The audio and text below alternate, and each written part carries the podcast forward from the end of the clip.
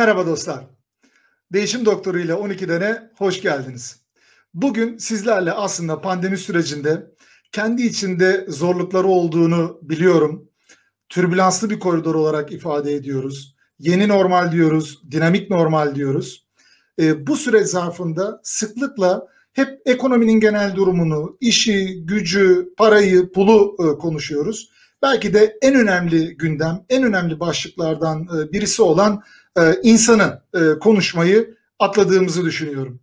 Ki e, son dönemlerde yaptığım paylaşımlarda da özellikle görüyorum, gözlemliyorum ki çok sayıda eşim, dostum, e, LinkedIn ortamında, dijital platformlarda bana yazan sevgili dostlar ifade ediyorlar ki kendilerini çok iyi hissetmiyorlar.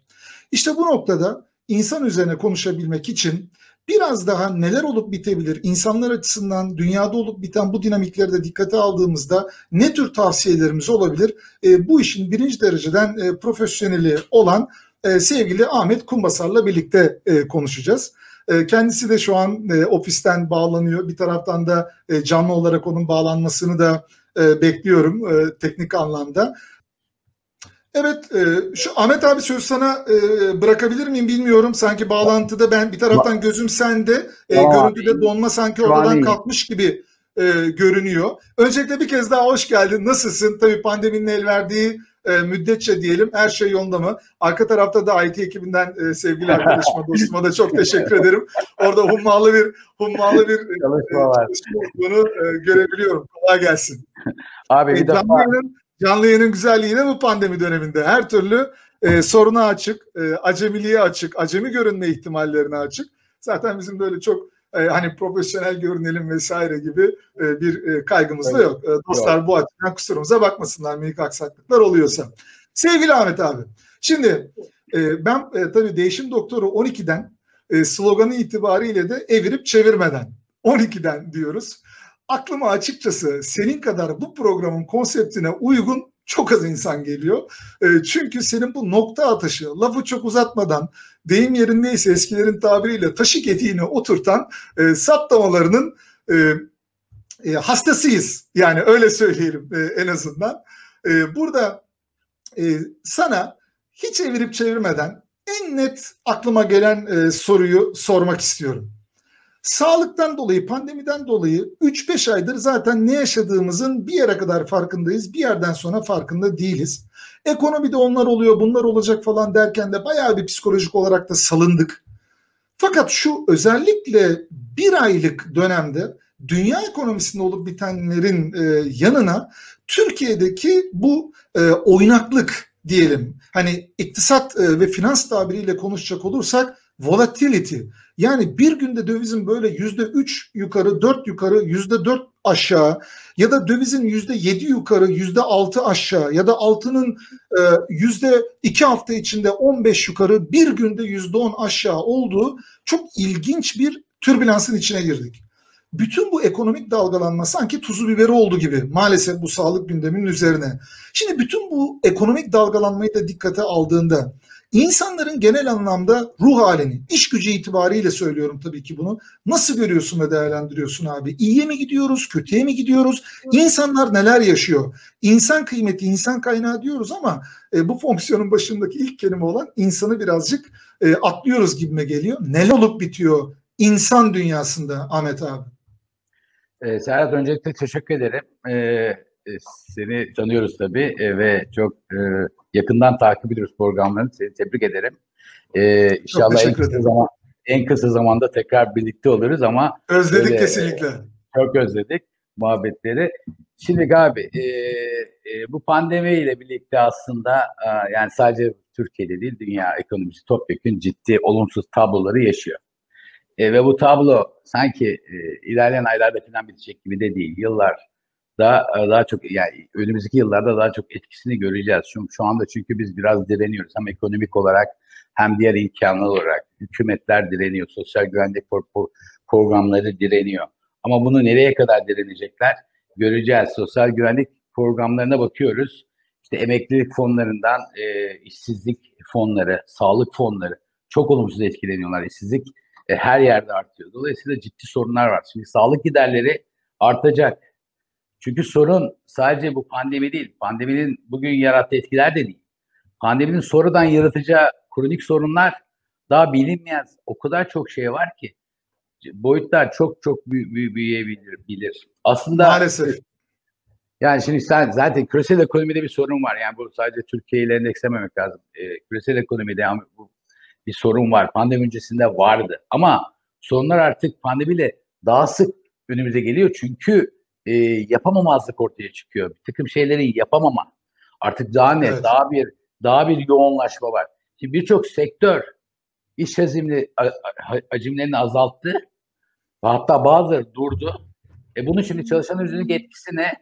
E, olumsuz tabii ki birçok sektörde kademeli geçişlerle işte yıllık izin, kısa çalışma, ücretsiz uygulama, e, ücretsiz izin uygulamaları e, geçildi. E, Bunların tabii ki şu anda e, çalışanlar bir şekilde direniyor ama nereye kadar? Ekonomide yaşanan bu sıkıntıların ülkelerin siyasi yapılarına etkileyecek mi? Daha e, belki ileride bunları görmeye başlayacağız Serhan. Dolayısıyla e, bir tabii ki bir tablo var. E, çok da hoş değil. Ama şimdi e, ve insanlar da bundan pandemiden de etkileniyor, işsizliğinden de etkileniyor. İşte çoluğun çocuğun sağlığından da çekiniyor. O, o bu bu. Yani mevcut problemlerin üzerine bir de pandemi tuzlu biberi oldu. Epi ama e, biraz da tabii e, olayı yani biz bizler öyle, öyle bir durumdayız ki e, e, çok karanlık tablolar, çok negatif tablolarla zaten psikolojileri bozulmuş insanlara biraz daha e, geride yaşatmamamız lazım. Şimdi bu bu dönemde bazı şeyler de iyi oldu aslında. Mesela bazı sektörler gelişti. Yeni fırsatlar çıktı.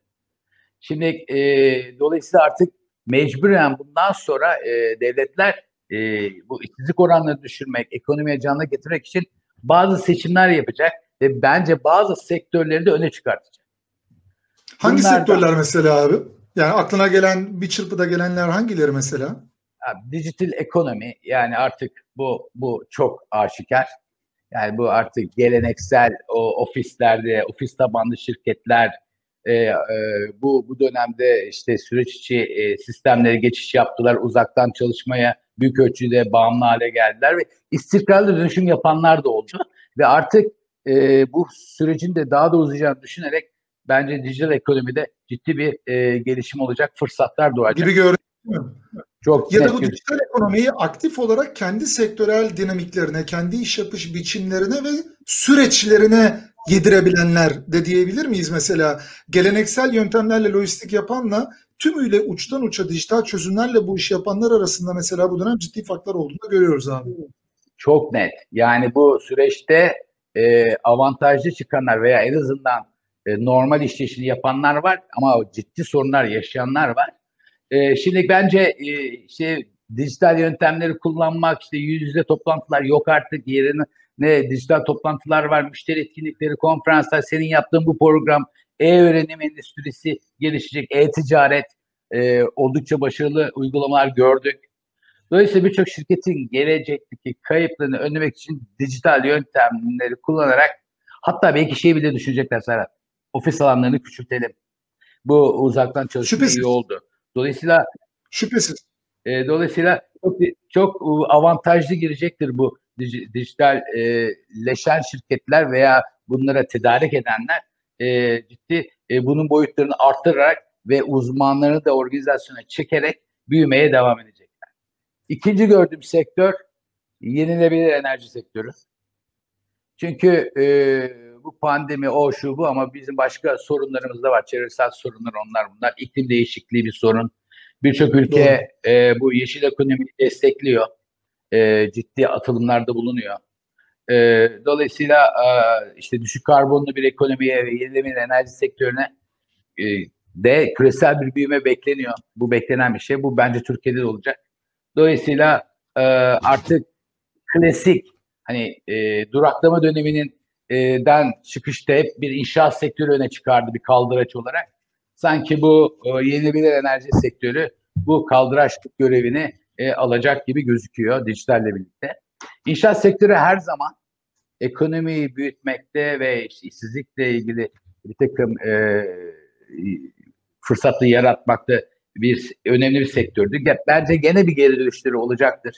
Şu anda e, ciddi projeler göremiyorsunuz. Temel projeler haricinde e, etkilenen bir sektör inşaat sektörü ama Doğru ee, ciddi bir e, tabii arz fazlası da var. Arz stoğu da bayağı birikmiş durumda görünüyor. Tabii. Aynen ama yani e, devletler altyapı projelerine devam etmek zorunda. E, dolayısıyla inşaat sektöründe büyük olasılıkla bir büyüme olur. Önümüzdeki dönemlerde devletlerin teşvikleriyle e, bence finansman e, imkanları sağlanacaktır ve inşaat sektörü de öne çıkacaktır. Yani bu üç, üç sektörün e, oldukça e, öne çıkacağını düşünüyorum önümüzdeki e, yıllarda. Zor bir dönem şimdi. Çok zor bir dönem. Yani bu çok kısa da olmayacak. Ama gerçekten çok dersler çıkartıyoruz. Ama en önemli ders şu. Yani bana soruyorsan. Ya insanoğlu çok kırılgan. E, gördük. Yani ciddi kırılgan. E, birlikteliğin, bu işbirliğinin, çeşitliliğin yani diversity, çevre ve sosyal sorumluluk ilkelerinin ne kadar önemli olduğunu bir kez daha hatırlıyoruz. Ya insanı odağa koymanın vakti geldi geçiyor. Farklılıklarımızı, parasal ve siyasal ihtiraslarımızı bir tarafa koyarak insanoğluna ve çevreye odaklanmalıyız. Ee, bunu başarmak zorundayız. Esas konumuz pandemi değil. Sorunumuz işsizlik, cinsiyet eşitsizliği, ırkçılık, hayvan sevgisizliği, çocuklarımıza güzel gelecekle ilgili umursamazlık, çevre düşmanlığı. Bence esas sorunlarımız bunlar. Pandemi biraz öne çıkarak bu konuları geride bıraktı diye düşünüyorum Serhat. Ee, evet, e, aslına bakarsan e, ben burada e, bu son söylediklerini çok önemsiyorum. Bence çok kritik saptama bu. Diyorsun ki asıl sorunumuz pandemi değil. Yani biz pandemiyle açığa çıkan bazı konular yaşadık gibi görünüyor belki de ama biz pandemiye varıncaya kadar seninle de hatırlarsan abi çalıştaylarda da bunu hep konuşurduk, sohbet ederdik dostlarla birlikte. Sevgili Üstad Yaşar Kemal'in tabii çok önemli bir saptamasıdır bu. Bu ülkede dört şey olmak zordur der. İlk aslında senin hatırlatmanla birlikte bunun altını çizdiğinde bir gün sen e, sevgili İhsan'la birlikte sohbet ederken e, Enerji Üretim e, CEO'su e, sevgili e, İhsan'a da buradan çok selamlarımızı, sevgilerimizi iletelim. E, kadın olmak çok zor bu ülkede. Çocuk olmak çok zor. Sokak hayvanı olmak çok zor. Ağaç e, olmak e, çok zor. Maalesef biz e, Türkiye'de e, tabii dünyada da bunlar kendi içinde kolay mı? Amerika'da olup bitenleri görüyoruz. Irkçı yaklaşımları görüyoruz. E, dünyanın dört bir tarafında canlılara yapılan işkenceyi e, görüyoruz. Hala e, dişinden dolayı yani bir hayvanın ve bu hayvana e, artık yani insan hayvan diyemiyor. Yani bir kamyon iki kamyon büyüklüğündeki bir canlıyı iki tane böyle boynuz şeklindeki dişinden dolayı e, öldürmek ya da 3-4 metrelik bir vahşi hayvanı e, havalı bir e, çantamda kullanacağım, kemerimde kullanacağım, ayakkabımda kullanacağım diye öldüren bu insan e, günün sonunda. E, o kadar kritik bir konuya temas ettin ki İhsan abi, e, e, kulağına çınlattık e, sevgili İhsan'ın, Ahmet abi. Sana şunu sormak istiyorum ya. Çok güncel bir araştırma. E, hemen pandemi öncesinde de bildiğimiz istatistikler. İş gücünün global ölçekte yaklaşık yüzde 86'sı ben kendimi çalıştığım şirkete ait hissetmiyorum arkadaş diyordu. Bildiğimiz bir e, gerçek bu. Pandemi başladığı anda insanlar zaten iş hayatında bir şey eksik ama ne eksik dedikleri kendilerine aman oradaki dostlar da o disiplindeki dostlar da yanlış anlamasınlar ama nefes terapisinden R2'ye mandaladan aile dizimine oradan buraya nereye atacaklarını şaşırdıkları bir boşluktayken bir taraftan bir de üzerine pandemi süreci e, bindi Ahmet abi. Şimdi bütün bu zaten kendini ait hissetmediği, tatmin hissetmediği bir e, dünyada insanların cebinde en azından şöyle bir opsiyon yok muydu? Ya e, Ahmet Kumbasar. Gıcık olduğum bir yönetici. Kendime ait hissetmiyorum. E, sağ tarafta bir başka plaza var. Büyükdere Caddesi'ne şöyle bir baktığın zaman doğru mu Ahmet abi? Yan yana kule. Yani Kesinlikle. kuleden AVM'den geçilmiyor. Oradan çık işine gelmiyorsa buna girdi. Doğru mu? Ama Doğru. pandemi süreciyle birlikte insanlar baktı ki ı-ı, öbür kulenin de girişi kapalı. Güvenlik kapatmış. Herkes evden çalışacak diyor. Hadi Türkiye'de işler yolunda gitmiyordu. Diyorduk ki Birisi diyordu ki Ankara Anlaşması ben kapağı İngiltere'ye atarım. Biri diyordu ki ben yüksek lisans bahanesiyle e, kapağı Amerika'ya atarım. Birisi diyordu ki ben e, turizm otelcilik vesaire okurum. E, kendimi Milano İtalya'ya atarım. Nereye atıyorsun? Millet pandemiden kırılıyor. Bu kadar alternatiflerin daraldığı bir noktada abi insanlar kendilerini bana gelen yorumlarda bunu çok e, görüyorum, duyuyorum. Özelden her gün 50'nin üzerinde mesaj geliyor Ahmet abi. İnsanlar kendilerini sıkışmış hissediyorlar. Nasıl ifade edeceklerini bilemiyorlar ve diğer uçta bir grup var diyor ki daha ne istiyorsunuz? Evden çalışıyorsunuz. Hatta müsaade ettik yazlıktan bile çalışan var. Ya arkadaş yazlıkta denizden mi bağlanıyor? Havuzdan mı yazıyor? Yani yazlıkta olunca pandemi uğramıyor mu dünyasına? Sen bütün bu karambolün içinde bizim bu ruh halinden çıkış reçetemizi nasıl görüyorsun? İnsan tarafını düşündüğünde e, nasıl görüyorsun? Neyi tavsiye edersin insanlara? Kendilerini daha iyi hissedebilmeleri ya da e, çevrelerinde olup biteni daha pozitif algılayabilmeleri için neler yapabilirler? Pandemiyi durdurma şansımız yok çünkü artık bunu biliyoruz. Doğru. Abi şimdi bir defa aslında bulundukları kurumları çok daha net, çok daha e, iyi bir şekilde değerlendirme fırsatı yakaladılar aslında. Evet doğru. Yani alternatifleri belki şu an sınırlı. Ama en azından kendi kurumunun insana nasıl bak, baktığını görebiliyor. Bu şu demek. yarın öbür, gün, yarın öbür gün işler düzeldiğinde e, işte o zaman turnover'ı görebilirsin. Oradan oraya, oradan oraya, buradan buraya. Hangi şirketler e, gerçekten çalışanı e, çalışanını oda haline getirmiş, onun e, sağlığına e, dikkat etmiş, e, işte e, bir takım imkanlar sağlamış, tedbirler almış. Hangileri bu konularda daha geride kalmış? Bunlar e, bunları tüm insanlar görecek görecekler ve dolayısıyla daha sonraki seçimlerinde bunları e, inan unutmayacaklar. Bak ben sana söylüyorum hep e, insanlar e, şirketlerini kriz anında görür. Gerçek yüzünü kriz anında görür. Bu çok kritik. E, Kesinlikle. Yani, şimdi yani şirketlere bakıyorsun insan insanı da odağına alarak e, neler iyi yapıyorlar.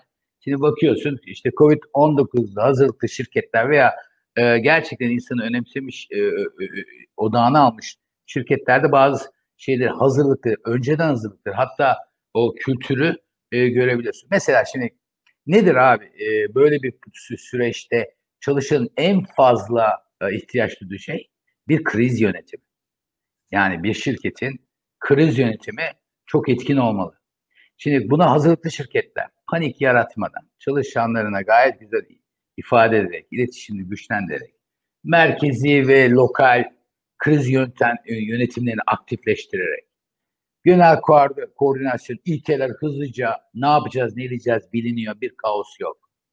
Ee, işte ofislerde çalışan sayılarını hatta belki hükümetten önce, daha da önce bunu öngörerek, Çin'i görerek, Amerika'yı görerek, İtalya'yı görerek daha önceden seyrekleştiren, uzaktan çalışmaya Kesinlikle. geçenler. İşte endüstriyel tesisleri, bak biz enerji sektöründeyiz Serhat, bütün santrallerimiz full çalışıyor. Evet. Yani bir, bir Maşallah diyelim ilk günden beri ilk günden beri de hiç susmadılar. Yani e, nereler neler neler kapandı. Emre Amadelik'te ve e, sürekli üretimde hep hep evet. devam ettiniz. Ama tebrik etmek lazım orada. Ama burada bu üretimi yaparken çalışanın sağlığını e, riske atamazsın. Dolayısıyla orada da e, sen seyrekleştirme mi yapıyorsun, vardiya düzenlemeleri mi getiriyorsun, rotasyonlar mı yapıyorsun? Bunların bir kısmını uzaktan bir kısmını içeriden mi yapıyorsun? Yani sen Tufan Bey'i bilirsin. E, üçte bir çalışanlar e, 80 gün karantinada çalıştılar. Sonra rotasyon yaptılar. Bunlar bunlar işte bunlar, bunlara e, kasların bunlara uygun olması lazım. E, zihniyetin buna uygun olması lazım. Hemencik adapte olman lazım. Bir takım değiş, e, değişikleri anında alabilmen lazım. Panik yaratmadan. Mesela kurumsal iletişim Serhat. E, bizimkileri de tanırsın sen. Yani şimdi bir politikan varsa, e, bir becerim varsa, e, düzenli bilgilendirmeyi yapabiliyorsan, çeşitli platformlarda bu insanları birlikte tutmaya çalışıyorsan, e, dolayısıyla şimdi çalışan onu da görüyor. Yani e, e, birliktelik devam ediyor mu? Bir takım aktiviteler var mı? Bilgilendirme doğru sağlıklı geliyor mu? Aynen öyle. E, şimdi uzaktan çalışım deneyimi bizim e, vardı, bazı şirketlerin vardı. E, bazı şirketlerin hiç yoktu. Şimdi uzaktan çalışma deyince Türkiye'de zannediyor ki millet evet senin dediğin gibi eve gidip yatıyor. Ya uzaktan çalışmada çok daha fazla çalışıldı. Bak ben e, hakikaten bayağı, öyle. Hakikaten öyle. Köp, köprüyü geçip geliyorum. Tamam mı? Yolda da iki saat harcıyorum. Ve ondan sonra ona rağmen yani iki saati kaybetmiş olmama rağmen buradaki işte yok gittin aşağıda e, yemek yedin onu yaptın falan ona baktıktan sonra benim uzaktan çalışma diyelim ki tüm çalışanlarımızda da böyle çok daha fazla arttı. Özellikle ilk dönemde çok fazla arttı. Çünkü e, tamam e, yolda geçmiyor ama o yolda geçen zaman şimdilik ekran başına geçiyor. Toplantılarda geçiyor. Çünkü bir kriz de var. İşim var artı ona ilave bir de kriz var. Dolayısıyla yoğun çalışıldı. E, verim e, kaybı yaşamadı e, bazı şirketler bu konuda. Biz de onlardan biriyiz. E, iş yaşam dengesini biraz hafif baştan bir bozuyor gibiydik. Bir, bir toplantı çılgınlığı oldu. Sonra onu da oturtturduk. E, bununla ilgili de aslında e, şeye bakmak lazım. Yani insanı aldığın zaman önüne e, artık bazı kararlarını ve t- gelişmeleri takip için verilere falan bakman lazım. Bu biz Microsoft'un bir e, şeyini kullandık. My Analytics ve kullanıyoruz ve çalışanlara şunu yönlendiriyoruz. Ya senin gerçekten fokus zamanın ne, ne kadar? E, ne kadar kendine zaman ayırıyorsun? Ne kadar hiç kimseyle görüşmeden, yazışmadan kendi başına kalabiliyorsun? Bunları öne çıkartıyoruz e, uzaktan çalışma deneyiminde. Dijitalleşme çok önemli. Altyapın sağlamsa, e, platformların iyi tanımlanmışsa, uygulanmışsa, biliniyorsa ve e, işte o zaman e-learning platformları, eğitimler ya biz o, o konserler verdik 11 tane yani bayağı Ümit Besenler filan e, tüm kedi çalışanlarımıza. E, işte Çok bu güzel. Senin birlikteliğinin devam etmesi gerekiyor. Bir şeyi birlikte bir şey paylaşman gerekiyor. Ama bunun için de bir dijital altyapının olması gerekiyor. Dolayısıyla ben e, bu şirketlerin bu altyapıları olanları e, gene başarılı çıktığını düşünüyorum. Sürdürülebilirlik dedik. Yani bu sosyal sorumluluk demin saydın. E şimdi e, pandemi döneminde kendi can derdine düştün, çalışan derdine düştün. E çevre orada e, sokak hayvanları aç kaldı. Kimse çıkıp e, mama vermiyor ki. Evinden çıkmıyor millet. E, dolayısıyla işte o barınakları hala gidiliyor mu? Hala mama, mama tedariği yapıyor musun? Ee, işte e, kadınlarla ilgili bir takım politikalar geliştiriyor musun? Bununla ilgili e, platformlarda tartışıyor musun? Ağaç dikimine devam ediyor musun? Onlar bunlar. Bu dönemde gene şirket yapan şirketler e, bence kendi insanın gözünde e, daha e, başarılı çıkmıştır bu testten. E, çünkü bu testin e, sonucu var bir sene sonra iki sene sonra. Veya bunu çok acı reçeteler çıkabilir bazı şirketlere. Şimdi performans kültürü de varsa o şirkette yani bu bu dönemde şunu da gördük. Yönetici çalışan hani bu çalışıyor muydu, çalışmıyor muydudan artık bayağı öteye geçildi. Karşılıklı güven oldu. Çalışma disiplini görebildik. Herkes kendini ispatlayabildi ve bence bu güzel bir şey. Yani şunu özetle söyleyeyim. Hazırlıklı şirketler e, üstüne çıktı. Çok ciddi avantaj çıktı. Hem branding açısından hem ki kendi çalışanın bağlılığı açısından. E, güçlü olmayanlar ise ciddi bir e, yatırım yapmak zorunda kalacak. Bir danışman almak zorunda kalacaklar. Bu iyileştirmeleri yapmak zorundalar. Hatta bu dönemde bunları göstermeye başlamış olmalılar diye düşünüyorum. Serhat. E, Ahmet abi şimdi aslında sen bunları anlatırken e, aklıma e, çok kritik bir kişinin söylediği kritik bir e, söz, bir replik e, geldi. Değişim yönetimi söz konusu olduğunda da biz çok gönderme yaparız. Dünyanın profesyonel e, e, CEO e, uzayında öyle söyleyelim liste başı gibi görünen son 30-40 yılda bir ön kabul gibidir neredeyse bu. GE'nin efsanevi koçu Jack Welch. Sen de e, sohbetlerinde de e, çok referans verdiğin, e, kendine ait NBA kürsüleri e, olan vesaire her yerde okutulan e, bir profil. E, Jack Welch'in e, değişim üzerine e, söylediği çok güzel bir söz vardır. Der ki değişmek zorunda kalmadan evvel değişim. E, fakat biz bu pandemi sürecinde gördük ki şimdi e, sen de gayet iyi biliyorsun. Hani söz konusu değişim dönüşüm olunca ben en çok kültürel dönüşüm ve dijital dönüşüm süreçlerinde e, şirketlerle birlikte e, oluyorum. İnsanlarda şöyle bir e, kafa, bir algı e, vardı. Hani organize işlerde hani Zeki Müren o da bizi görebilecek mi falan diye bir sahne vardı hatırlar mısın bilmiyorum. İnsanları dijitalleşme diyordun. Yani patron sana şöyle bir bakıyordu. E biz bunu yapınca o da bizi görebilecek mi? Ya arkadaş e, yani sen dijitale götürüp 500 bin dolar, 1 milyon dolar, 100 bin dolar, 5 bin dolar yahu kaç para harcadığından e, bağımsız olarak söylüyorum. Sen bunu yaptığında, sen bunu yaptın diye ertesi gün şirketin yüzde on daha fazla EBITDA, kar marjı, e, para kazanacak diye bir şey yok. Konu şu. Sen bunu yapmazsan şirketin yarın oksijensiz kalacak. Yani bu parayı kazandıran bir şey değil. Ön koşu olmazsa olmaz durum. İnsanları ikna edemiyorduk. İnsanlar hazırlıklı e, değillerdi. Ne zaman ki biz bu e, pandemi sürecine e, girdik, bu türbülanslı e, ortama girdik, bir anda insanlar hoca bize bir dijital, bize bir entegratör nasıl yapacağız, nasıl dijitalleşeceğiz? E ama kusura bakma şimdi hani bu iş böyle hani e, benim dijitalim geldi bir müsait bir yer var mı bir şu dijitali bir e, giderelim falan gibi bir ortam e, değil.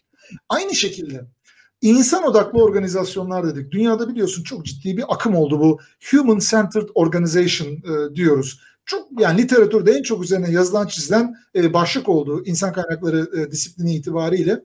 Diyorsun ki organizasyonun insan odaklı mı? Diyor ki e, tabii ya çalışanlar bizim işte her şeyimiz e, odur budur falan ama bakıyorsun gel git sus bizim çocuklar sen git toplantı bitmiştir çık dışarı benden önce konuşma e, gel gel gel git git git falan gibi hani insan odaklıydın sen? Şimdi pandemi dönemine girdikten sonra bakıyoruz gözlemliyoruz e, e, iyi gün dostu, kötü gün dostu. Güneşli günde etrafta elinde şemsiye gezen çok insan var. Yağmura fırtınaya döndüğün zaman yani e, ahmak ıslatandan sağına döndüğü andan itibaren seni saçağının altına e, alan kim var e, konusunu düşündüğünde şirketlerin şimdi aklına geldi. Ya acaba bir yerde biz bir hata mı yaptık? İnsanları eve gönderdik, yazlığa gönderdik, onu yaptık, bunu yaptık. Bu rekabet ortamında acaba elinden gelenin en iyisini yapıyor mu? E, kaygıları basıyor sanki çok büyük bir çoğunluğumuz e, Ahmet abi e, şirketler itibariyle söylüyorum hazırlıksız yakalandık. Ne, evet. ne dijitalleşme konusunda, ne altyapı konusunda, ne insan odaklı e, kurgular konusunda, ne kurum kültürü, ne kriz kültürü, ne liderlik felsefesi anlamında hazırlıklı değildik. Şimdi de insanlar sanki bir nevi mecburmuş gibi dostlar alışverişte görsün, bir aradalar. E, ama sana bu konuda e, yüzde yüz katılıyorum son dediğine. E, ez cümle acı reçeteyi ve bedeli daha ödemedik. Eğer evet. biz bunun içinden bir çıkabilirsek yani e, bir kafayı kaldırabilirse insanlar belirli noktalarda e, bu dönemde aslında bedelin kime kime e, ne kadar ne şiddette ve ne sürede ödeteceğini hep birlikte izleyeceğiz gibi görünüyor. Yani şirketlerin tek konusu satamıyorum cirolar düştü falan filan değil e, hani öyle bir e, çok eleştiriliyor diye sosyal medyada gençler de çok takılıyor bizimle değilsin diye. Yani kim kiminle kim kiminle kalmaya devam edecek e, aslında e, göreceğiz e, baktığında. Şimdi şirketler açısından baktığında Ahmet abi yeni dönemde e, Nisan ayları gibi biz diyorduk ki hayat işte Haziran, Temmuz havalar ısınır. Havalar ısıtın, ısınınca da bu Covid-19 orada e, biter. E, nefes alamaz. E, Ağustos'ta böyle herkes bir iki hafta tatil yapar. Eylül'de okula dönüşle birlikte çiçek gibi başlarız yine. Ona da işvericileri bir isim bulmuştuk. Yeni normal. Hani böyle yeni modası gibi. Yeni normal falan. Hani sen ben şirkete yeni normal gelirdik. Pazartesi, çarşamba evden. Ee, işte çarşamba, e, salıları, perşembeleri yazdıktan cuma günde bir ofise uğrarız. Plazanın altında e, güzel kahvecimizde orada bir kahvemizi içeriz falan filan yaparız derken görünen o ki e, yeni normal pek de e, sevimli gelmiyor. E, Nisan'dakinden daha bile beter olabilir gibi izlenimler var. Burada Almanya'da medya e, bunun altını çiziyor. Şimdi yeni normalden next normal dediğimiz bir dinamik normal yani bitmiyor. Uzak doğuya uçuyorsun 12 saat uçacaksın. Daha kalktın Karadeniz'in tepesine geldin uçak sallanmaya başladı 11 saat gideceksin daha e, pilot dedi ki 6000 fit daha yükseleceğim fakat konforsuz bir yolculuk olacak. Geçmiş olsun. 5 dakikada bitecek bir mevzu değil bu. Bunu artık gördük. Şirketler bu insanlar tarafında da hem performansı hem onların psikolojik kendilerini güvende hissetmelerini sağlamak için neler yapmak zorunda sence e, Ahmet abi? Yani bu zorlukları biraz önce anlattın. Eylül ayı maç tekrar başladı. Neleri yapmalı? Neye yatırım yapmalılar? Neyi doğru, neyi yanlış yapmalılar ya da neyi durdurmalılar sence? Bu süreci ekipleriyle birlikte daha etkin e, aşabilmek için, belki de hayatta kalabilmek için daha net sormak gerekirse. Ya şimdi e, tabii e, yani biraz e, hazırlıksız yakalananlar veya hazırlıklı yakalanmış olsalar da aslında sektöründe e, bazı sektörler çünkü çok ciddi etkilendi. E, o uygulamaların o sektörlerde olması e, beni çok şey yapmadı, şaşırtmadı. Ben sadece e, hangi kar- kararı alıyorsan, e, neyi nasıl yapıyorsan bunun o şeffaflığın, o, o, o paylaşımın, iletişimin doğru yapılmış olması taraftarıyım. Yani çünkü hakikaten bazı sektörler durdu. Serhat yani şimdi uçak, hava, hava yolları Maalesef. durdu. E şimdi orada bir takım e, uygulamalar yapmak zorunda kılındı tabii ki. Ama e, işte bunu e, bunda bunda ne kadar direniyorsun, ne kadar e, bunu e, hafif atlatmaya çalışıyorsun. Bunlar çok kritik. Şimdi bence şirketler şuna bakacak. E, e, tabii ki insan, e, kendi çalışanını e, görüyor. Pulse'lar yapıyor, soruyor, ediyor, e, görüyor. Ailelerinde sorunlar var, kendilerinde sorunlar var. Dolayısıyla e, ciddi bir e, şeye e, insanla daha yakınlaşma ihtiyacını bence ço- çoğu şirket bunu hissedecektir. Ya böyle bir mükemmelliğin peşinde çünkü artık şuna geli, geliyoruz. Yani yaptığın işi çok iyi yapman lazım. Şüphesiz. uygulamalar, uygulamaların çok iyi olmalı. Vasat bir şirketsen veya işte vasat uygulamalarla gidiyorsan artık bu tip krizlerde e, mücadele etmen zor. Şimdi sürekli gelişim. Yani biz mükemmellik diyoruz. Mükemmellik biliyorsun sonsuz. Hep daha iyisi, hep daha iyisi, daha iyisi. E şimdi şirketler e, bu daha iyisini, yani iyi olanlar çok daha iyi olmayı, avaraj olanlar daha iyi olmayı, e, bunu da her türlü platformda yapmak zorundalar, gördüler. Şimdi e, bu insan şu krizde de ne gösteriyor? İnsanın yaratıcılığı, katılımcılığı ve işbirliği o kadar kritik ki. Ya zaten insansız yapamazsın hiçbir şey. E şimdi e, dolayısıyla buna odaklanacaklardır. Yani biz ya iyi takım olamamışız falan. Yani hep şey Türk futbol takımlarıyla e, başarılı ülkelerin futbol takımlara bakıyorsun. Bizde hep böyle bireysel bireysel futbolcular falan. İşte o alır götürür takımı. E, o gün bir gün oynamaz e, ayağı ağrıyordur. Takım etkilenir. Halbuki takım olmak, takımdaşlık bu e, bunları hep öyle çıkarmak zorunda kalacak şirketler. E, çünkü e, e, çalışan bağlılığını sürekli hale getirebilmen için bireyi odağına alıp onun yaratıcılığını, inisiyatif kullanmasını, gelişimini desteklemezsen, bunların bir takımlar halinde olmayı yönlendirmezsen, bu bağlılık zaten olamaz. Hayatta da e, sürekli olamaz ve bunu mutlaka şirket kültürü haline döndürmeleri gerekecek şirketler. Amaçlar, vizyonlar, hani ne oldu şimdi?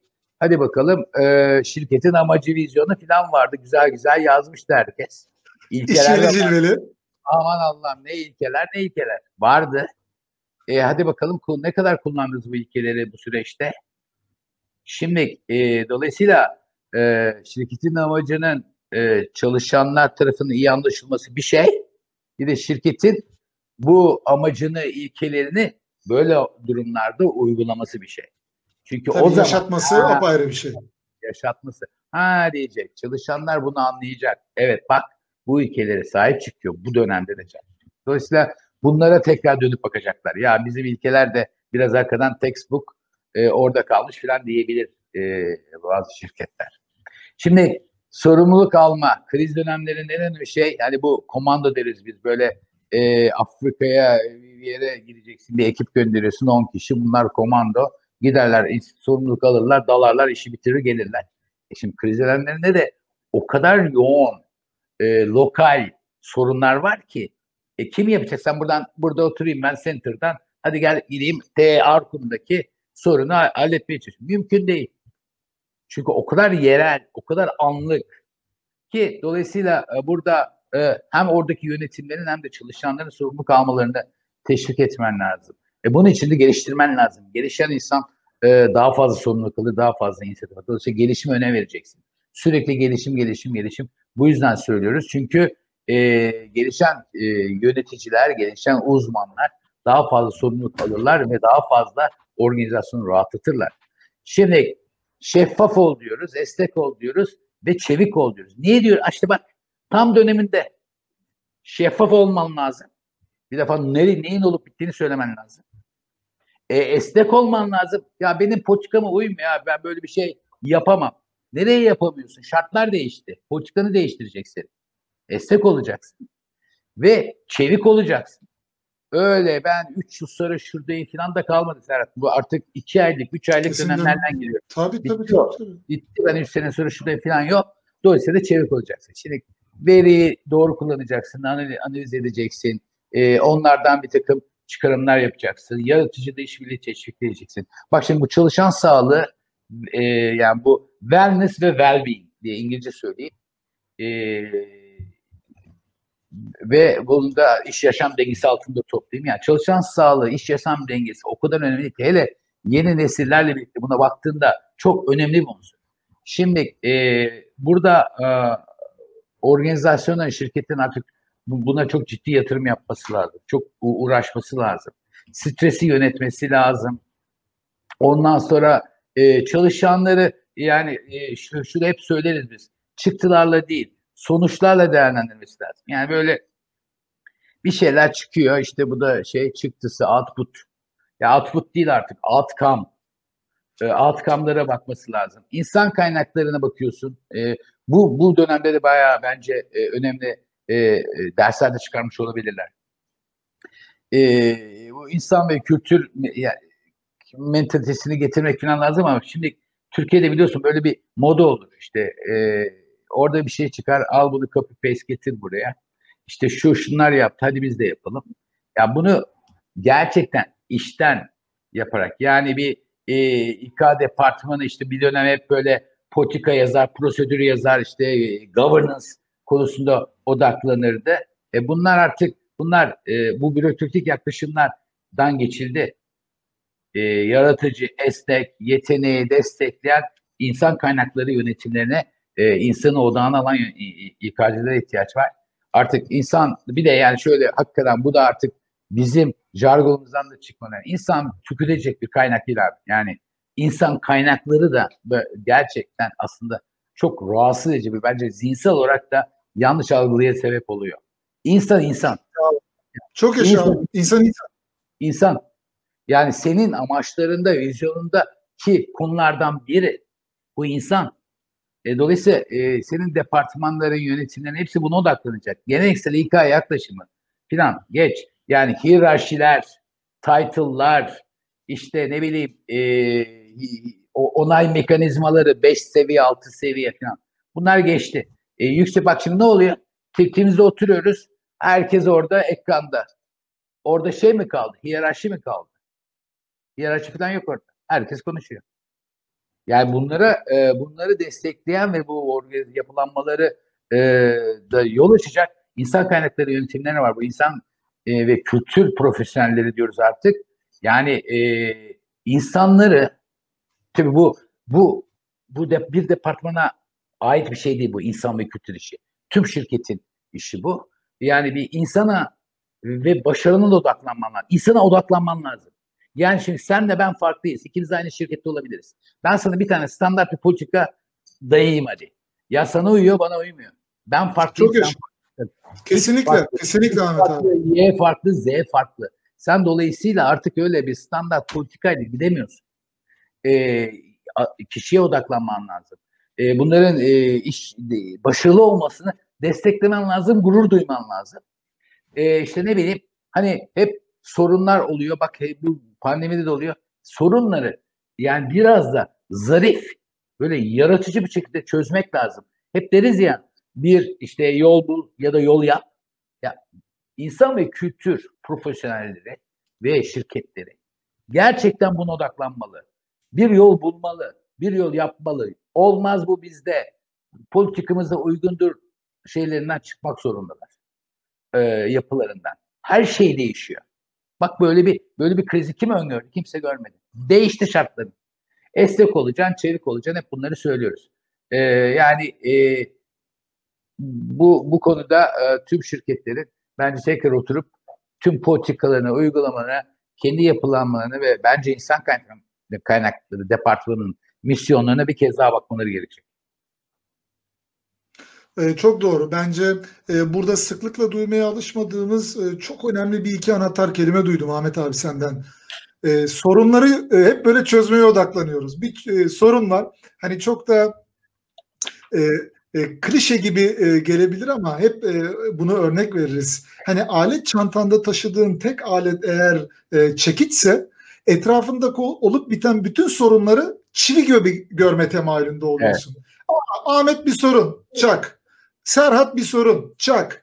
Ayşe, Fatma sorun, çak. Kar düştü, çak.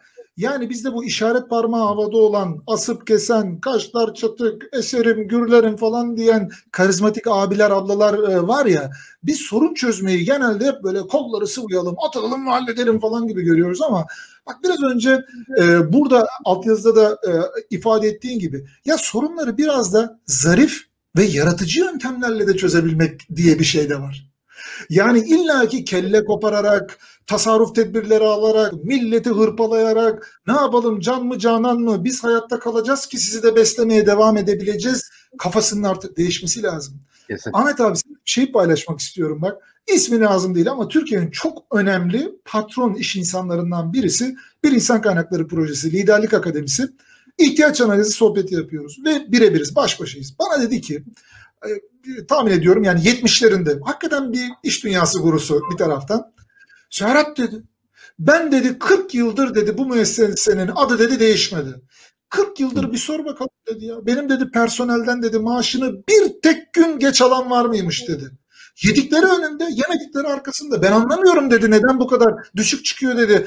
Bağlılık mı diyorlar dedi. Tatminsizlik mi diyorlar dedi. Getirmiş bana personelci kız bir şeyler anlatıyor dedi.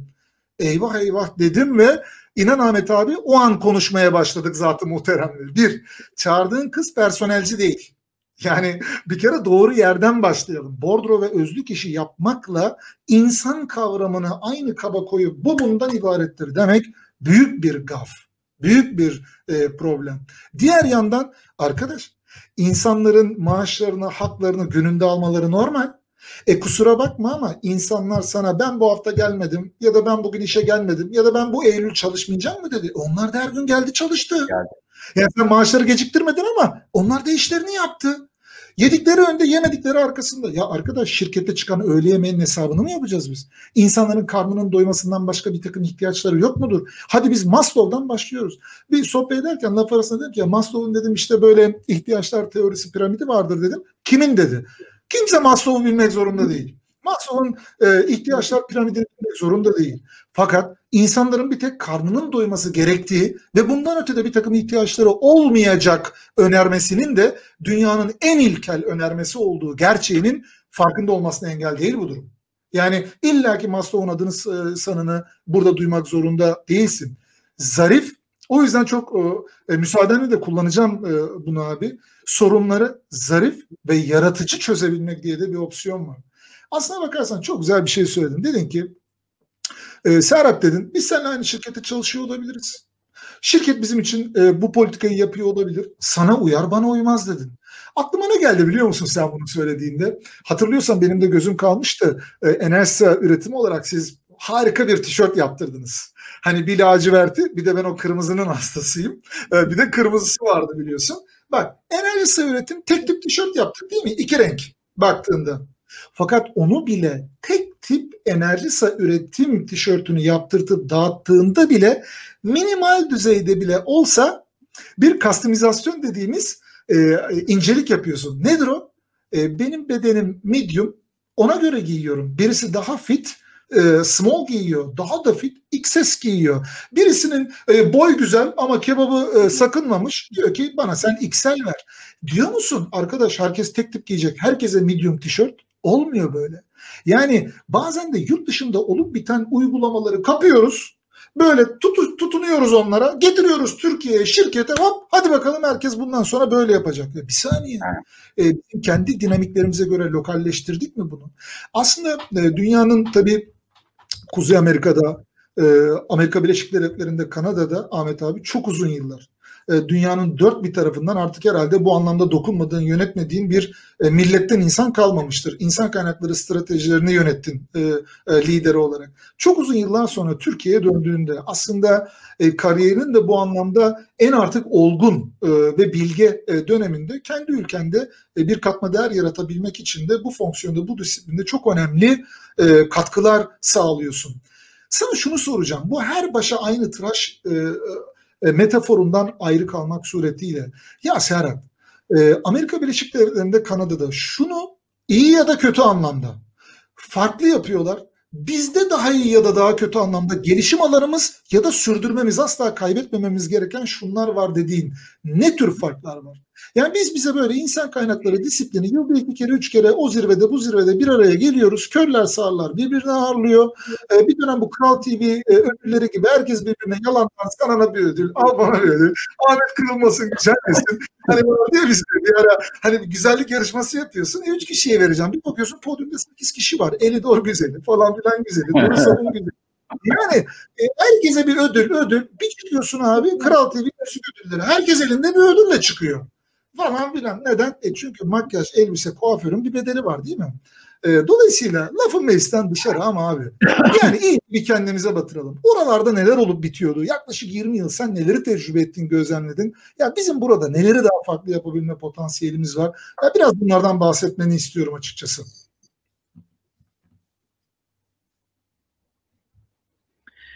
Ee, şey, geliyor mu sesin?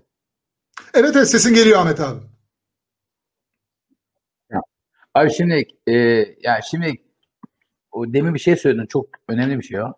Yani küresel bir global artık rahat takip edebiliyorsun. Dünyada ne gelişiyor, hangi tool'lar geçiyor. Herkes onu bilebiliyor. Yani bunu alıp e, copy paste yapmakla bu işler olmuyor. E, çünkü gerçekten kültürel farklar var. E, o oraya uyar, bu uymaz. E, bazı fandom, temel e, farklılıklar bile var. Kültürel farkların dışında. E, dolayısıyla e, ama e, bir akım öyle gidiyor. Yani herkes bir yerden alıp getiriyor ve baktığın zaman Türkiye'de mesela Amerika'daki insan kaynakları yakışımına göre e, çok benzer uygulamaları görürsün. Ama ama aması var. E, şeklenme var. Gerçekten organizasyonun sonuçlarını etkiliyor mu bu uygulamalar? Yoksa orada bir check in the box mı yapıyoruz? Yani bunu da yaptık mı diyoruz. Ben genel olarak baktığımda yurt dışına yani bu Amerika'da olabilir, Almanya'da olabilir, e, başka ülkelerde de olabilir. Yani buna e, baktığımızda Türkiye'deki en büyük e, ilerleme alanının bir defa e, geri bildirim olduğunu düşünüyorum. Yani geri bildirim alma ve verme ve bunu e, teşvik edecek işte şirket uygulamaları. Yani e, bilirsin Almanya'da falan da bilirsin. E söyler sana yani şu şu performansın budur. Lafını esirgemek diye bir gündemi yok burada insanların o açıdan. Ama e, ne kadar iyi bir şey. Çünkü sen o zaman onunla ilgili bir aksiyon alırsın. Biz hala bu kapalı kapı ardında birileri hakkında konuşmayı yapan e, ama e, bu kişiye de bu geri bildirim vermekte kaçınan e, buna e, bazı eskiler şey derdi ya bu bizim Türkler biraz Frankofon mudur acaba? Yani hani Anglo-Saksonlar biraz daha damardan girer ya. Ee, şimdi e, o. E, ikincisi bu işte dediğim demin şeffaflık, esneklik, çeviklikti. Biraz daha daha böyle yenilikçi, daha e, hızlı adaptasyonlar yapmamız gerekiyor diye düşünüyorum. İşbirliği kültüründe yani collaboration demin bahsettiğim o futbol takımında mutlaka mutlaka daha iyi olmamız lazım. Yani e, departmanlar arasındaki silahlaşmalar, merkezler, sahalar bu konularda bu konularda e, bir şirket kimliği, kültürü ve e, takımı çıkması lazım. E, hala e, ben e, yani mesela İK, İK, İK departmanları giriyorsun. Kendi dünyasında politikalar yazıyor. Ya bu politika sahada nasıl bu, bu işe yarayacak mı, yaramayacak mı, sonuca bir katkısı var mı? Öyle e, kendi başına yazıyor da yazıyor. Çok da güzel yazıyor biliyor musunuz? Yani acayip güzel yazıyorlar. Ama alıp kullanan yok. Yani o işbirliği işbirliği dürtüsü olmadığı için ya gelin bir şey bir performans yönetimi yazacağız. Gelin arkadaşlar tüm e, stakeholder'lar, mühendisler, onlar şunlar gelin ya biz neyi ölçeceğiz diyen yok. Kapanıyor dört tane beş tane İK'cı yazıyor. Performans yönetimi. Herkes kendi dünyasında gibi değil mi? Başka ha, bir uzaydaymış gibi. Ya, ya, böyle bir şey olabilir mi? Bir de şey Türkiye'de baktığımızda e, bu süreçlerin yönetilmesiyle ilgili özellikle çok kritik ve inisiyatif alma demin bahsetmiştim. Yani çok ağır bir hiyerarşilerimiz var. Gerçekten. Yani bu e, title'lar, mantırlar falan bizim çok daha yalın yapılanmalara gitmemiz lazım. E, artık e, çok ciddi bir jenerasyon geliyor ve çok bilgili bir jenerasyon geliyor. E, teknolojiyi de kullanan bir jenerasyon geliyor. Şimdi ben onu onu bilmem 5 seviye e, altta bir yerde e, şey yapamam, mobilize edemem, e, harekete geçiremem. Kulaktan kulağa geçme iletişimlerle onu bir yere yönlendiremem. Ondan birebir çalışıyor olmamız lazım. Dolayısıyla aradaki o layer'lara çok ciddi bakmamız lazım. E, dijital bir kültürden bahsettik zaten. Ya ama yani e, özetle e, ya böyle e, e, yalınlaşmış organizasyon insanı e, artık e, 4-5-6 seviye yapılanmaların olmadığı ya bir valla arkadaşlar e, sizin talebi aldık ama bizim direktör e, genel müdür yardımcısına çıkarmadı çünkü o uygun görmedi. Şimdi genel müdür yardımcısından da haberi yok ha. Haberi yok. tabii tabii. bir yerlerde tıkıldı. Anlatabiliyor muyum? E, bu, bunlar, bu, bunlar sorun Türkiye'de. Bunları çözmesi lazım. Aslına bakarsan 3-4 tane çok kritik e, madde duydum e, söylediklerinden. E, maalesef e, bu e, geri bildirim konusuna %100 katılıyorum. En büyük ihtiyaç alanımız e, e, bu gibi görünüyor. Almayı da bilmiyoruz enteresan bir şekilde geri bildirimi, vermeyi de bilmiyoruz. E, ve vermeye kalktığımız zaman da bu genelde geri bildirimden ziyade Ahmet abi geri bindirim şeklinde oluyor. Hani diyorsun ki hani diyorsun ki Ahmet abi diyelim ki yöneticin işte Ahmet Bey e, sunumun nasıldı diyorsun. Aslında bu bir geri bildirim alma sorusu, ricası. Ahmet Kumbasar diyor ki Serhat'a sunum mu? Hangi sunum? Sunum derken sen ona sunum mu diyorsun Serhat? Şimdi bu bir geri bildirim mi? Yani açık sözlü dediğin senin Alman'da, Hollandalı'da, e, mesela dünyada bu e, Erin Meyer'in Culture Map diye bir kitabı vardır ya abi. Hani geri bildirim alma e, konuları dahil olmak üzere dünyadaki bu çapraz kültürel farkları e, işler. Genelde Hollanda, Almanya ve İsrail bu geri bildirim alma verme konusundaki en net kültürler e, gibi e, görünüyor ve Anglo-Saksonlar da bu konuda e, çok daha iyi. E, fakat onlar hani seni gömmüyor, denilce diyor ama şöyle diyor. Serhat diyor sunumun güzeldi ama çok uzundu. Serhat değindiğin konular güzeldi ama çok ı, a, şey, hmm, hmm yaptın. Yani faktörleriyle sana söylüyor. Bir daha sunum falan yapmayı unut demiyor. Amacı sana bir şeyin bedelini ödetmek olmuyor. Biz maalesef burada e, ve çok iyi biliyorsun yıllarca da orada bulundun abi. Literatürdeki bunun karşılığı feedback. Back geri. Feed besleme. Yani geri besleme besleme amacıyla yapılan bir şey. Fakat biz bunu bile kendi kültürümüze e, çevirirken, tercümesini yaparken geri bildirim dedik. Bir de onu geri bindirim yaptık e, bir taraftan. O yüzden hani ne almayı biliyoruz, ne vermeyi bilmiyoruz. Kişiselleştirmeyi çok seviyoruz. Hani böyle gü- gülerek evet dinliyorum seni, evet doğru falan derken bile içinden diyorum ki ya sen kimsin ya? Sen kimsin ya? Sen kim bana sunum öğretmek kim? Öyle Muhammed Bey falan diyor ama içeride mekanizma başka bir şey çalıyor. İçeride çalan şey dehşet, testere 8 çekiliyor içeride. Ama sana bakarken böyle hani falan böyle bambaşka. Ha babam sınıfı Firarda'yı falan hani oynuyormuş gibi güler suratlı bilmem ne. E diğer tarafta abi işbirliği dedin. Ya ben son dönemde Türkiye'de gördüğüm kadar işbirlikçiymiş gibi davranan e, bir grup görmedim.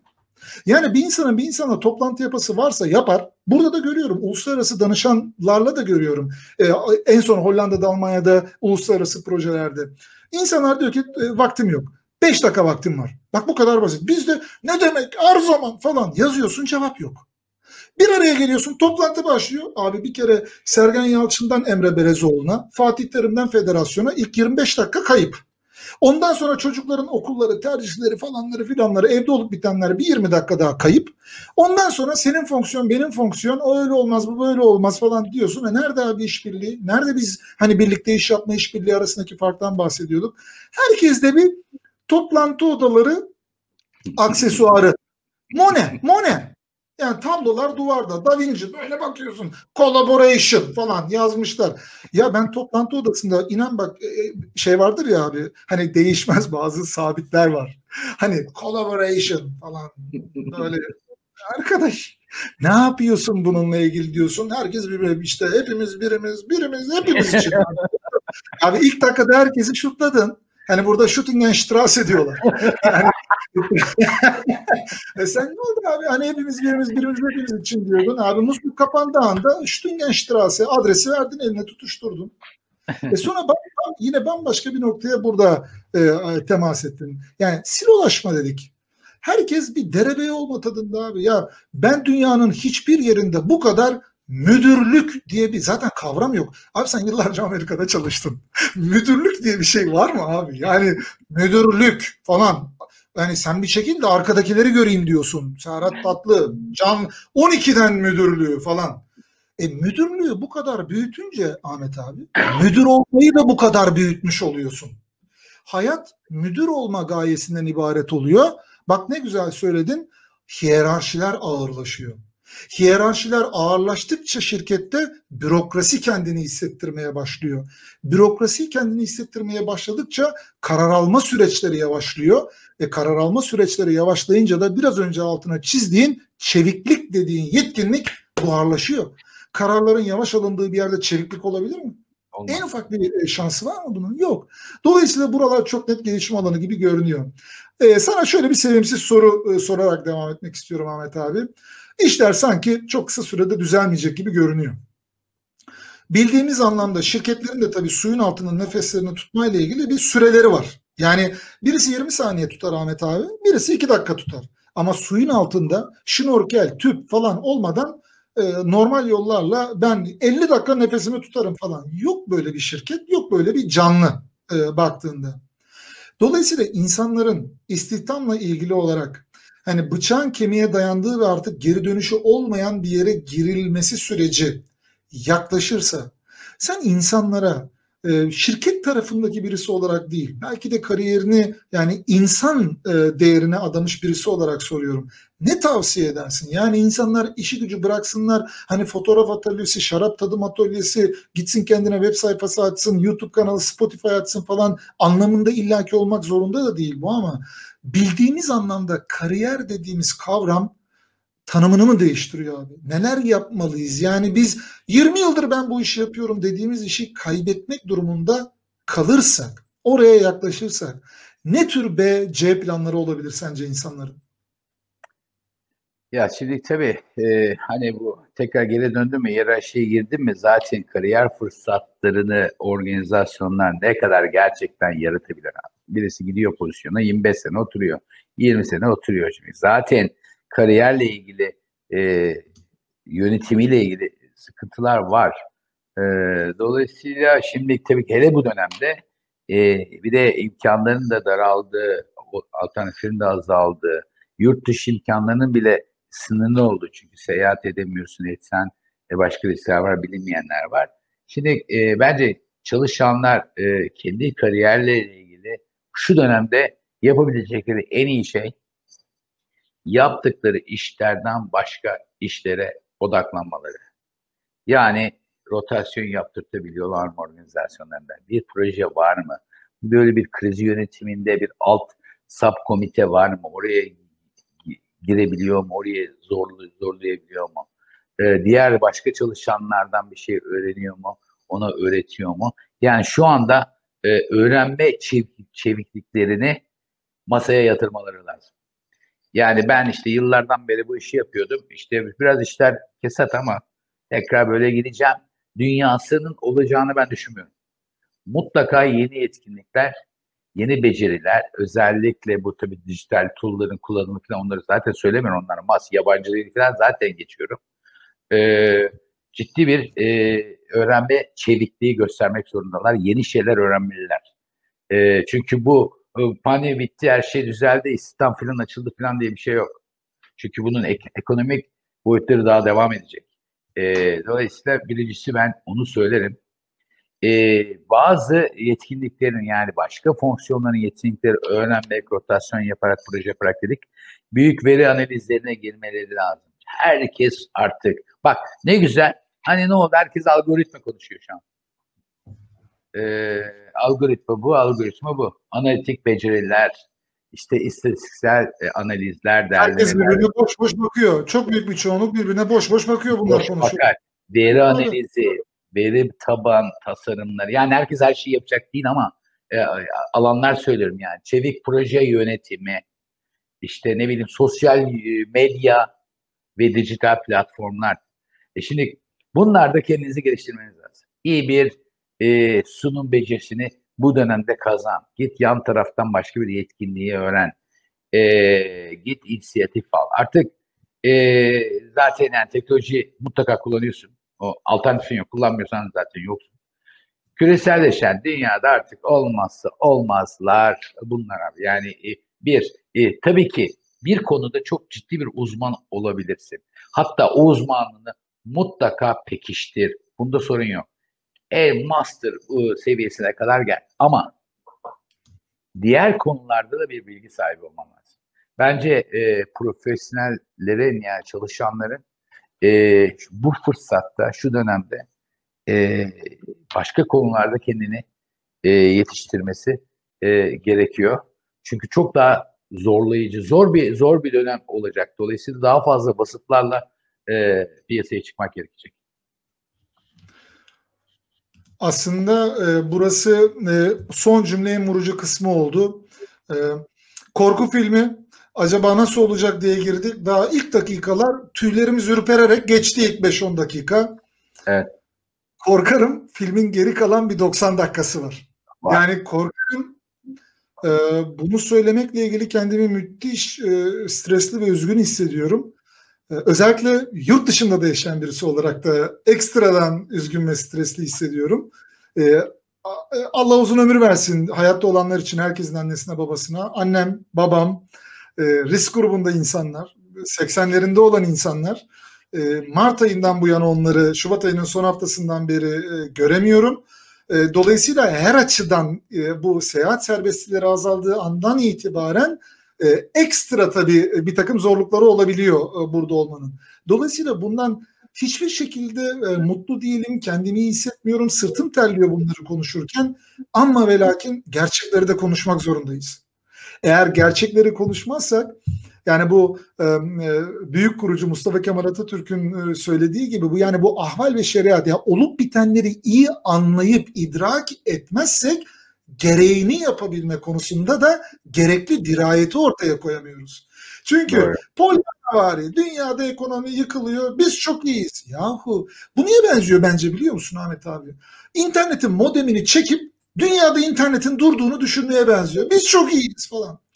Ya biz ya evet iyiyiz çok şükür. Artılarımız yok mu? Var. Sen de orada yıllarca yaşadın. E, ortaya çıktı kral çıplak. Amerika Birleşik Devletleri'ndeki sağlık sisteminin ne kadar çürük, ne kadar eksikli, ne kadar insanı ikinci, üçüncü değil, beşinci plana atan amorf bir sistem olduğu ortaya çıkmadı mı abi? Çıktı. Çıktı. Çok net. E, çıktı. Türkiye'de Allah aşkına eğer oturalım doğru konuşalım. Evet bazen sıra bekliyoruz ama hastane önünde e, Türkiye'de belki de son 30 yıldır yani 80'li yılların sonu 90'lı yılların başından bu yana özellikle geliştirilen bazı politikalarla birlikte. Abi hastane kapısında ölmek diye bir şey var mı bizde? E, en genel anlamda. Yani 300 liralık, 500 liralık, 700 liralık Bağkur askeri ücret sigortalısı olmak suretiyle bile işimizi burada çözüyoruz. Bak bu bizim iyi yaptığımız şeylerden birisi. Ama sırf bunu iyi yapıyoruz diye e, sen dolarla maaş mı alıyorsun? Senin dolarla borcun var mı? Ya benim ülke olarak 500 milyar dolar borcum var arkadaş. Ne demek senin dolarla borcun var mı ya? Yani var. e, bir bunu böyle görüyorken öbür tarafı başka türlü gördüğümüz zaman internetin e, modemin fişini çek. Ondan sonra oh dünyada internet yok takılalım böyle Ahmet abi biz senle falan izleyen izleyen yok takıl Ahmet abi nasıl gidiyor falan. Yani oraya gelince nerede yedireceğim e, falan diye sohbet edelim. Yok böyle bir dünya. Yok böyle bir dünya. Yani bizim neyin ne olduğunu e, gerçekleriyle, faktörleriyle ortaya koymak e, mecburiyetindeyiz. Şimdi çok sık konuşulan bir konuydu Ahmet abi. Bunu yaşadık, ara ara da konuştuk. Ülkenin en büyük meselelerinden de aslında birisi. Bak bugün de enteresan bir gün. Üniversitelerde tercih yapmayla ilgili de son gün değil mi? Bir de mezun olup iş hayatına atılmış taze ya da e, profesyonel kariyerin ilk yıllarında olan genç profesyonel arkadaşlarımız var.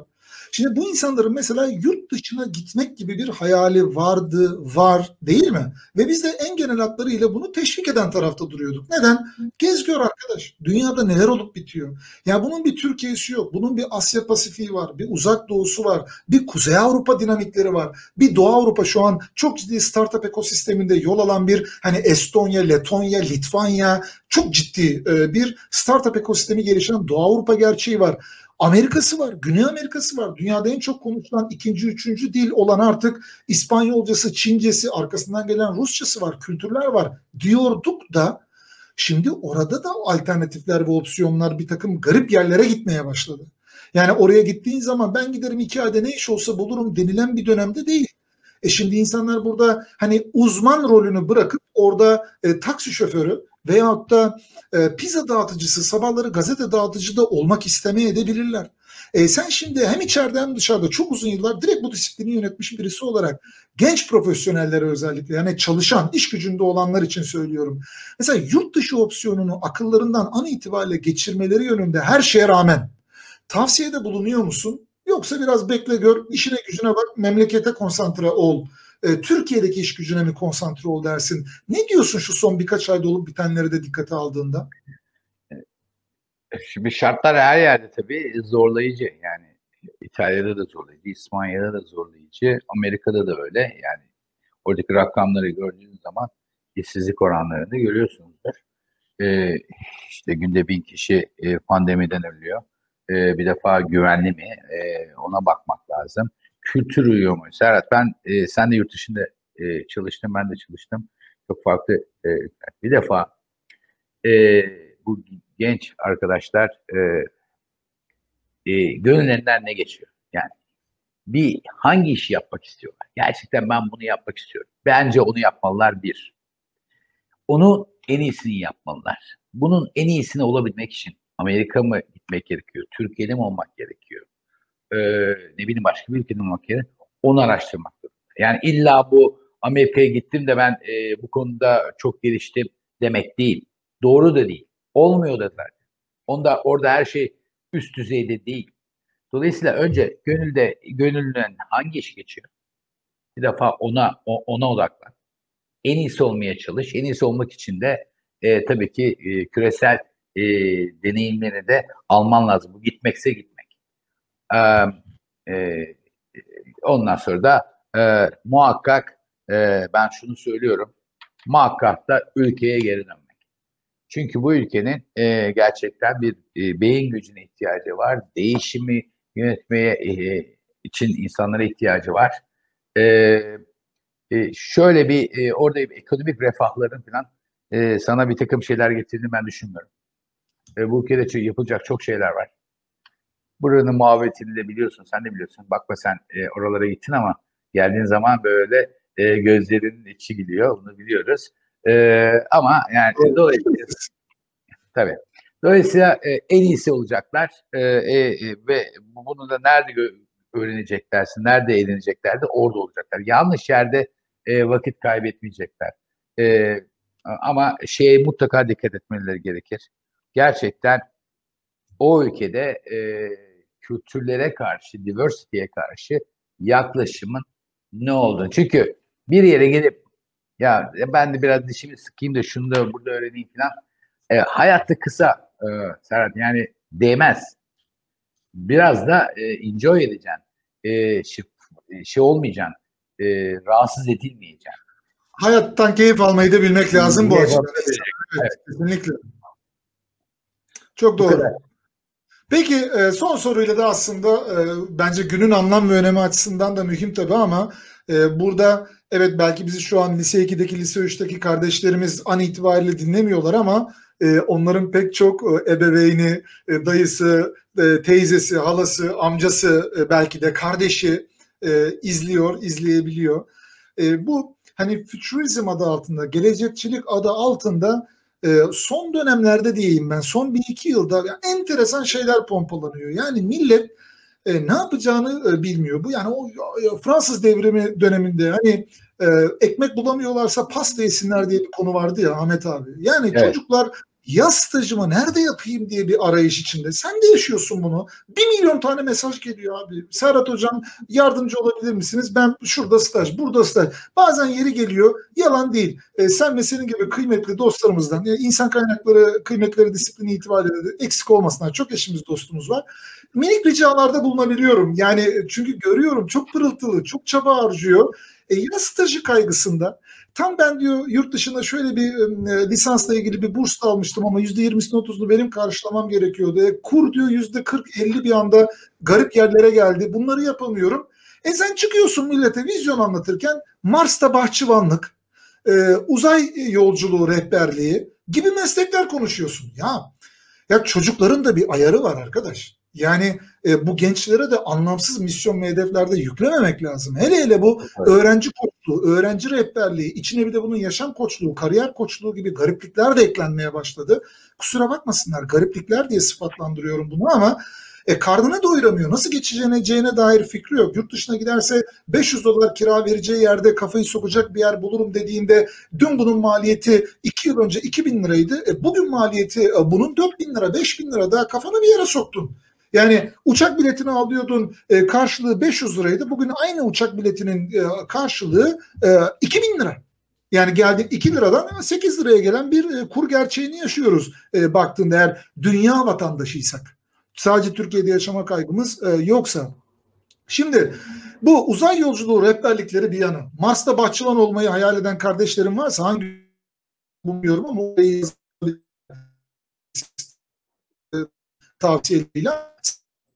tavsiyeleriyle yapmak istedim. Bu atıp tutan e, tarafla ilgili söylüyorum. Şimdi gençlik yapıyor. Yani 5 yıl, 6 yıl biraz daha orta uzun vade projeksiyonundan e, bakarak öğretmenlik yaz bir mesleğin olsun sırtını devlete yasa kafası da değil. Bilgisayar programcısı ol kodla hayatını kurtar da değil. Bilmiyorum ama üniversite e, döneminde olan olabilir. E, ne tavsiye edersin?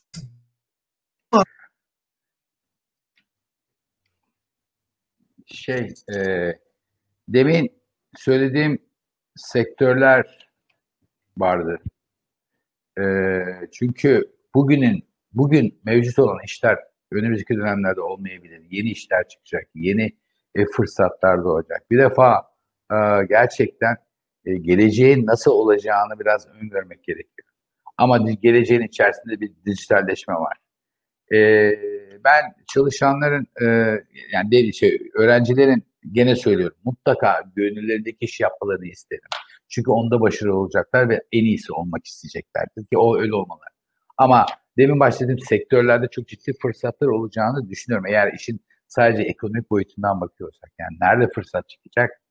E, işte e, dijital marketing yapan firmalarda iş çıkacak fırsatlar çıkacak. E, işte e, medya e, iletişimi yapan e, ajanslarda iş çıkacak e, veya o ilgili şirketlerin departmanlarında e, işte yenilenebilir enerji, enerji sektörü e, çok daha öne çıkacaktır.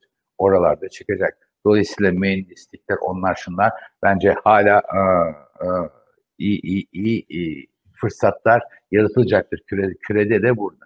Fakat e, şeyi genel trendi görüyoruz. Artık artık e, teknolojiyle birlikte bazı layer'lar ve fonksiyonlar tükenecek. Bak layer'lar da tükenecek. Çünkü o layer'e de ihtiyaç kaldı. Yani o hiyerarşik seviyeye de ihtiyaç kaldı. Anlamsız bir hiyerarşiye gidiyor. Aslında yataya doğru giden bir organizasyonda bence fırsatların da ama hangi fırsatların kendi konusunda uzmanlaşmışların e, fırsatlarının çok olacağını düşünüyorum. E, ama bunu gene söyleyeyim e, sadece Türkiye boyutunda değil dünya boyutunda yani küresel açıdan iyi olmaktan bahsediyorum. Yani şu mahallede iyiyim, şu şu departmanda en iyisiyim. Değil. Şirketin e, global e, işte bütünlükte iyi bir iyi bir uzman olmak. Dolayısıyla hep öğren öğren araştır bak sağ dön sola o ne yapıyor bu ne yapıyor. Dolayısıyla bayağı bir e, şey bir konuda uzmanlaşma. Demin tekrar etmiş gibi oluyorum. Bir konuda uzmanlaşma ama a, diğer konulara da hakim olma.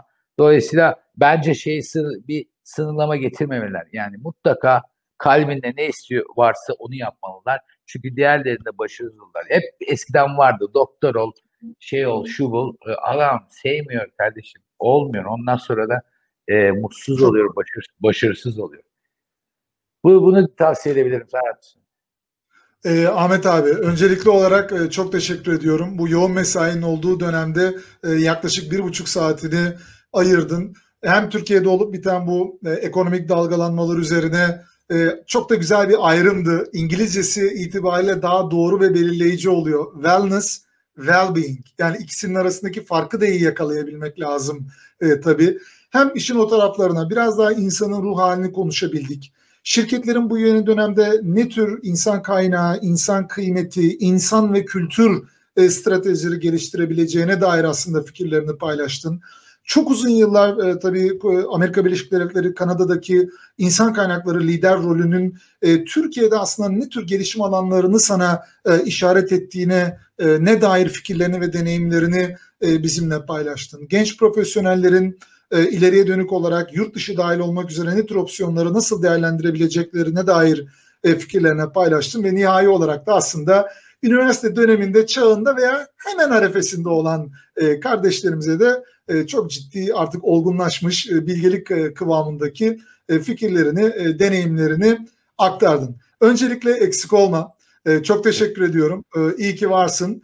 E, 12 dene geldiğin için bana da ayrıca bu e, noktada destek verdiğin için de e, çok teşekkür ediyorum. En kısa sürede de tabii böyle olmuyor. Dijitalde bir yere kadar.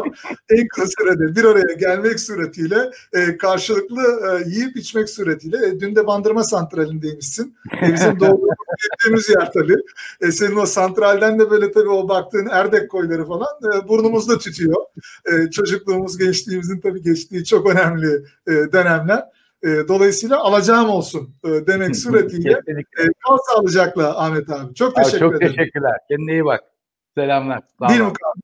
Sevgiler, selamlar. Çok teşekkür ederim Ahmet abi. Evet sevgili dostlar. E, bugün Değişim Doktoru ile 12'denin konuğu e, Enerjisa Üretim e, insan kıymetlerinden sorumlu Genel Müdür Yardımcısı sevgili Ahmet Kumbasar'dı. Ee, onunla biraz önce de söylediğim gibi yurt içinde, yurt dışında e, insan yaklaşımına e, ne tür e, farklar var? E, Türkiye'de düşündüğümüzde nerelerde gelişim alanlarımız olabilir? Biraz bunları konuştuk. İnsanın bu süreçteki ruh halini, kendini psikolojik olarak güvende hissetmesi e, konusunu e, konuştuk. Bu wellness ve well-being arasındaki e, farklara değindik. Onun haricinde aslında şirketler neler yapmalı, nerelere yatırım yapmalı, nerelerde gelişim alanlarımız var dediğimizde geri bildirim almanın ve vermenin ne kadar önemli olduğunu ve bu konuda ciddi bir gelişim alanımız olduğunu, işbirliği konusunda hala adım atmamız gereken, iyileşmemiz gereken, kat etmemiz gereken çok mesafe olduğunu, silolaşma maalesef ketenperesinden hala e, çok fazla e, çıkamadığımızı, organizasyonlarımızın hala geleneksel bir dinamikte çok hiyerarşik e, desenlere sahip olduğunu, bürokrasiden kendimizi çok e, arındıramadığımızı e, konuştuk. Biraz bunlara bahsettik. Genç profesyonellerin yurt dışı imkanları, düşünceleri, stratejileri üzerine düşündük. Literatürdeki karşılığı itibariyle müsaadenizle önce İngilizcesini söyleyeceğim. Recycling ya da upcycling dediğimiz yeni yetkinlikler kazanma ya da sahip olduğu yetkinlik ve beceride bir sonraki faza e, geçebilme konusunda bilgi her neredeyse, ilim irfan her ner, neredeyse gidip onu orada al. Bunun doğusu, batısı, kuzeyi, güneyi, X ülkesi, Y ülkesi kalmadı. Biraz buna gönderme yaptık. E, bakın dünyanın farklı farklı yerlerinden dostlarımızla birlikte e, şu an bu programı yapabilme imkanı bulduğumuz gibi. Şu an Türkiye'de herhangi bir otelin toplantı salonunda e, değiliz mesela e, Türkiye'nin ve hatta dünyanın dört bir tarafından eş zamanlı olarak bu fikirlerimizi paylaşabiliyoruz. Ve en nihayetinde de e, genç kardeşlerimize üniversite tercihleri ve meslekler tarafında da dilimiz döndüğünce bilgimiz, deneyimimiz yettiğince de tavsiyelerimizi vermeye gayret ettik. Bir sonraki 12'den programında görüşmek üzere. Kalın sağlıcakla. Şimdiden harika bir hafta sonu diliyorum dostlar. Sevgiler, selamlar.